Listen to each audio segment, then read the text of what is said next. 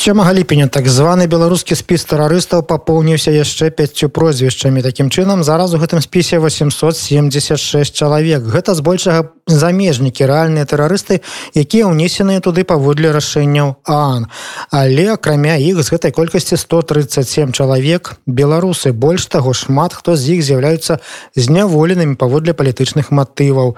Пра сутнасць гэтага спісу і пра тое наколькі прававым з'яўляецца ўнясенне грамадзян беларусі ў гэты спіс распавядае мадэратар найбуйнейшай сеткавай супольнасці юрыстаў беларусі Макссім палавінка.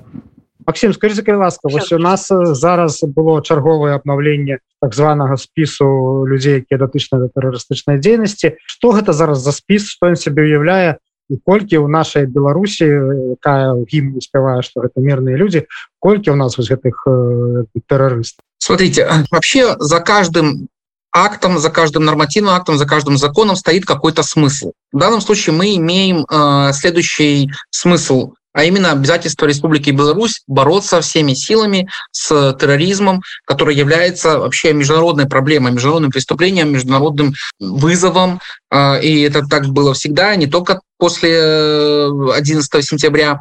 И в рамках э, вот этой борьбы с терроризмом есть эм, инструменты, которые каждое государство должно было принять э, определенные действия, определенные механизмы, которые бы препятствовали финансированию деятельности, то есть которые бы не, не давали возможности террористическим организациям получать финансирование, получать денежные переводы, получать какую-то помощь, то есть э, лишить, лишить террористические организации э, своей базы финансовой. Ну, надеюсь, вы, наверное, помните, что э, Усама бен Ладен один из бога... наследник одной из богатейших семей Саудовской Аравии, если мне не изменяет память, и в том числе э, эти деньги могли использоваться на определенное, определенное действие. Так вот, в рамках э, реализации борьбы с финансированием терроризма э, был принят закон, в 2014 году о мерах по предотвращению легализации доходов, полученных преступным путем финансирования террористической деятельности и финансирования распространения оружия, оружия массового поражения.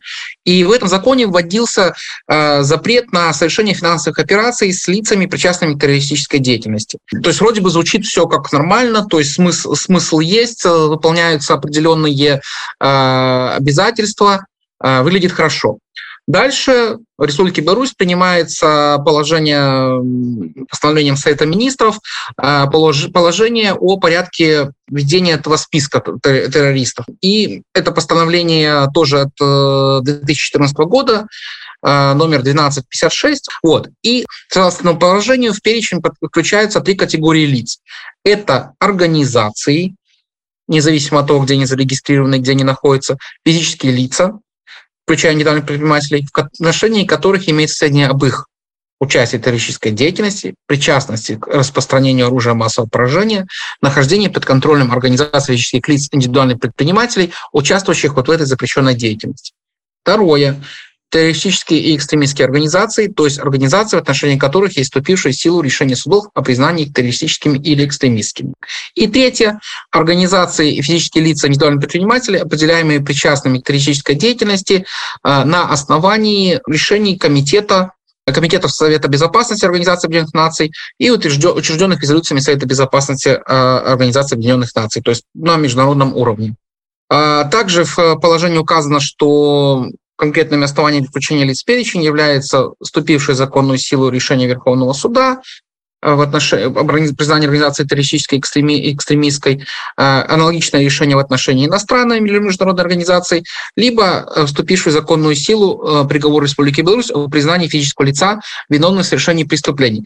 В положении указан перечень статей, мы еще немножечко конкретно коснемся, по которым должно быть осуждено физическое лицо, чтобы быть признанным террористом. Ну, извините, наверное, будем говорить не признанным террористом, а быть включенным в список террористических организаций. Все все-таки это будет, наверное, более правильно, чем признавать, признавать терроризм. Признание терроризм, террористом это все-таки некий судебный акт, некое, некое судебное решение, э, приговор по уголовному делу, где будет указано, что вот человек виновен в терроризме. А тут лицо, имеющее, э, лицо, включенное в этот перечень. Вот. На основании данных э, актов происходит введение данного списка. Долгое время этот, а, эти нормативные акты Э, законы и положения министров использовались в соответствии с прямым назначением, то есть для ведения списка террористов, в первую очередь э, являющихся таковыми по решениям Совета Безопасности ООН. ну, комитет, называется санкционный перечень Комитета безопасности ООН.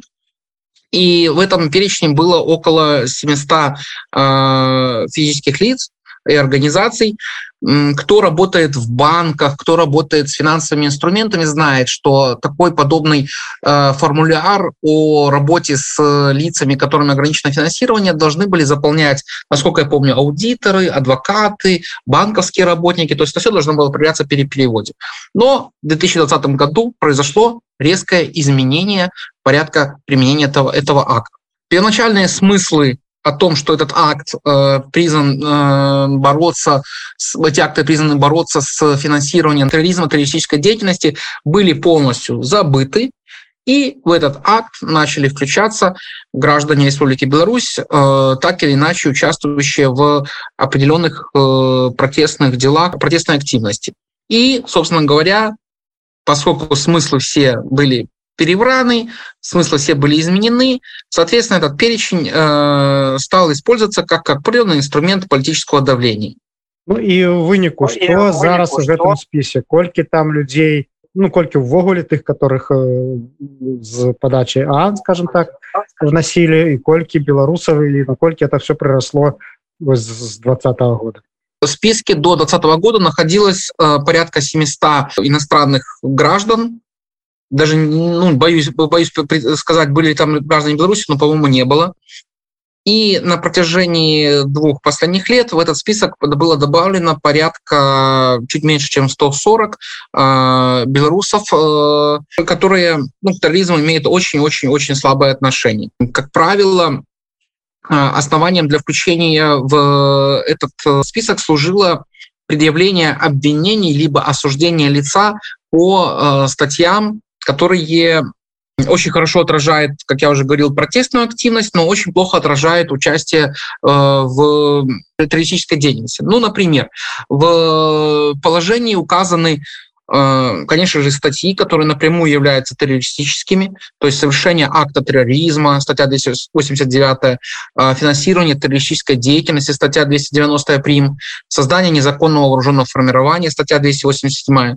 Но и такие статьи, которые ну, извините, они уже в какой-то степени, наверное, можно называть их народными. Это массовые беспорядки, 293 статья, это разжигание расовой, национальной, религиозной, либо иной социальной вражды или розни, статья 130, а, так называемые статьи о пересмотре истории, реабилитации нацизма, отрицание геноцида белорусского народа, 130 прим и 130 э, со значком 2. И как можно видеть, исходя из белорусской действительности, а, зачастую применение, например, той же статьи 130 носит очень-очень произвольный характер. Например, э, статья 130 имеет э, место, напомню, по делу об убийстве Зельцера, э, о перестрелке с участием Андрея Зельцера, проходит около 200 человек, и даже уже пара, наверное, десятков осуждена именно по статье разжигания социальной розни. При этом если говорить о общеевропейской практике, о практике развитых стран, где, где работают инструменты прав человека, признается, что, например, невозможно разжечь социальную э, вражду или рознь в отношении таких социальных групп, как чиновники, так, сотрудники органов внутренних дел, потому что э, данная статья 130, она признана защищать как раз-таки угнетаемые социальные группы, социальные группы, подвергающиеся различным видам дискриминации, которым э, абсолютно логично, что не относятся ни милиция, ни сотрудники КГБ, никакие, никакие другие сотрудники.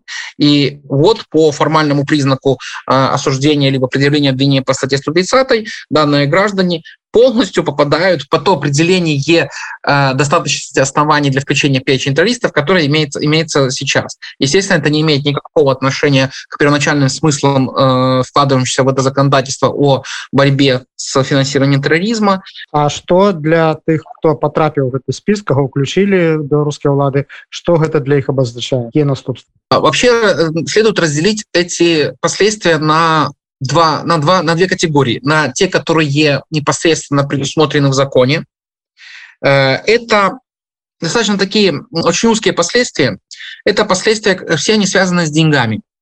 То есть э, эти люди не могут получать переводы, их средства могут быть заморожены, их финансовые операции могут быть заблокированы, и органы финанс, финансового контроля информируются о, об операциях в отношении этих, этих граждан. Всегда, когда мы видим какой-то закон, какое-то ограничение, мы смотрим в первоначальный смысл. Смысл был не дать финансировать.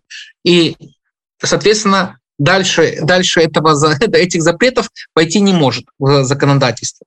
Но я полагаю, что часть, э, тут действует часть вторая, э, поскольку, поскольку в случае э, с настоящими террористами включение в данный список происходит после того, как уже назовем это так, понятно, что это лицо террорист, это лицо что-то совершило плохое, и есть какой-то общий консенсус, что правильно, что он там находится, чтобы больше не получал денег, то поскольку в Беларуси смысла перевраны, то включение в данный террористический список, на мой взгляд, кроме вот этой вот мелкой может быть, не мелко, извините, я не, не могу там говорить за э, то, какие последствия непосредственно, непосредственно у тех, кого включили в виде неполучения денег, насколько это сильно большая проблема, я не знаю. Но это все равно только часть.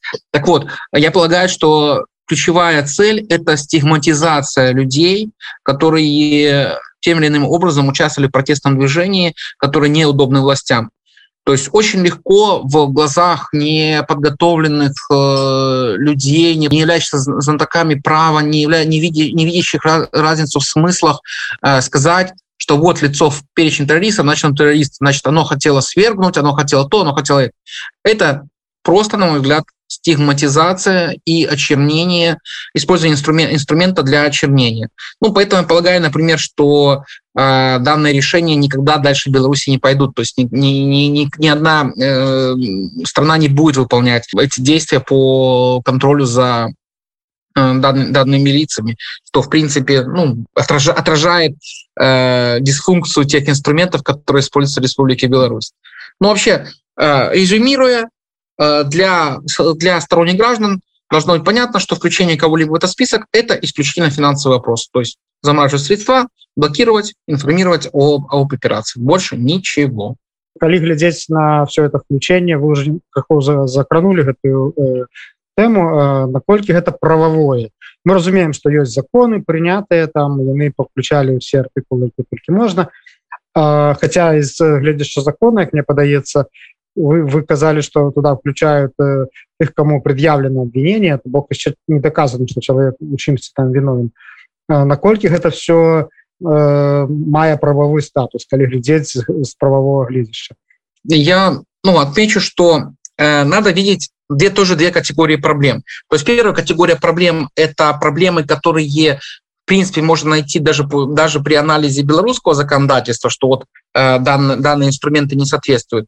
Э, ну, действительно, например, э, включение в перечень на основании только предъявленного обвинения без приговора суда – это действительно нарушение презумпции невиновности даже в том виде, в каком оно сейчас есть в Беларуси. Три, даже не три четвертых, наверное, четыре пятых этого списка белорусов в этом списке помещены в этот список именно на основании предъявленного обвинения или только пятая часть на основании приговора. Также, в, если уже мыслить более логически, то э, был произвольно расширен перечень тех действий, которые лежит, который, который является основанием для включения в данный э, перечень. Что, име, что имеется в виду? То есть имеется в виду, что туда попадают очень формальные составы, то есть, ну, как я уже говорил, э, разжигание, например, социальной розни, или незаконно вооруженное, например, формирование, или, или статьи, например, которые связаны с массовыми беспорядками. При этом люди даже не осуждаются, и им не предъявляется ничего, чтобы описывалась как какая-то определенная деятельность, которую можно назвать террористической. То есть нет, э, есть механическое совпадение по названиям статей, что предъявили 130-ю, можно в список. Предъявили, э, там, по-моему, есть, есть такое еще основание, как э, призывы к действиям против национальной безопасности. Предъявили, э, достаточно основания. И ну, нет, нет необходимости э, в текущем режиме вот именно в соответствии с, полож... с положением нет необходимости обосновывать и э, указывать на то, что э, были какие-то действия, конкретно попадающие под определение терроризма. То есть чисто, механич... чисто механическое включение. Но это наверное, не очень правильный путь, потому что не сегодня, так завтра могут белорусское законодательство подправить в этой части, могут убрать презумпцию невиновности и так далее. Поэтому надо смотреть на уровень выше. А что у нас в Конституции, что у нас в международных, э, международном пакте о гражданских политических правах, а, который для Беларуси является обязательным, чтобы кто ни говорил. Он он был подписан еще в 70-х годах, а приложение к пакту в 92 году еще было. было. Так вот, э, в соответствии с э, общей моделью ограничения прав человека, о которой надо знать всем гражданам, потому что, ну, к сожалению, в Республике Беларусь э, очень усиленно насаждается совсем другая модель э, прав человека, ограничения прав человека, э, рассказов о том, что это плохие люди, поэтому у них не может быть никаких прав. Нет, это не так работает. А, включение в перечень ограничения финансовых операций – это является в любом случае ограничением прав человека. И в соответствии с Международным пактом это может делаться только а, на основании закона, ну, предположим, это соблюдено, потому что есть у нас закон о легализации э, доходов э, преступным путем, но есть очень-очень важное правило, что любое ограничение прав человека является э, исключением из правил. То есть ситуация, в которой у человека есть права, это стандартная ситуация, ограничение прав человека – это исключение из правил. И как любое исключение из правил, оно должно носить ограниченный характер это первое условие. И второе условие, оно должно быть в минимально необходимом размере для того, чтобы обеспечить защиту интереса. При этом, если, вы, если орган какой-то или суд ограничивает право человека, он должен обосновать, какой конкретно интерес защищается этим ограничением. Нельзя просто сказать, у меня есть такое абстрактное право, я его реализую, все, я ограничу. Нет. Нужно точно взвесить то право, которое планируется к ограничению, и тот интерес, который планируется этим защитить. Соответственно, в этом конкретном случае нет никаких обоснований, нет никакого баланса интересов, а, нет никакой оценки баланса интересов, которые имеются в данном случае и являются необходимыми для ограничения прав. То есть ни суд, ни КГБ принимает решение, не пишет в обосновании, в чем состоит защищаемый интерес. Что именно этим включением хочется, какого результата именно хочется добиться. Противоположность этому, те люди, которые были в перечне до 2020 года, а, в отношении них есть конкретные действия, направленные на совершение актов терроризма, на безопасность. Оценено, что они являются угрозой для жизни, они являются угрозой для государства, для государственных деятелей. И в отношении них применяется такое, такое ограничение. У нас модель применения ограничений осуществляется только по одному принципу. Если в законе разрешено ограничить что-то, значит, мы будем ограничивать. И оценивать ничего не будем. И этому верхнему, очень верхнему правилу не соответствует белорус, белорусский порядок. Вообще не соответствует полностью. Нет ни оценки баланса интересов, нет ни соблюдения условия о минимальном ограничении права. Минимально необходимым для достижения цели. Світанак свабоды. Wit wolności.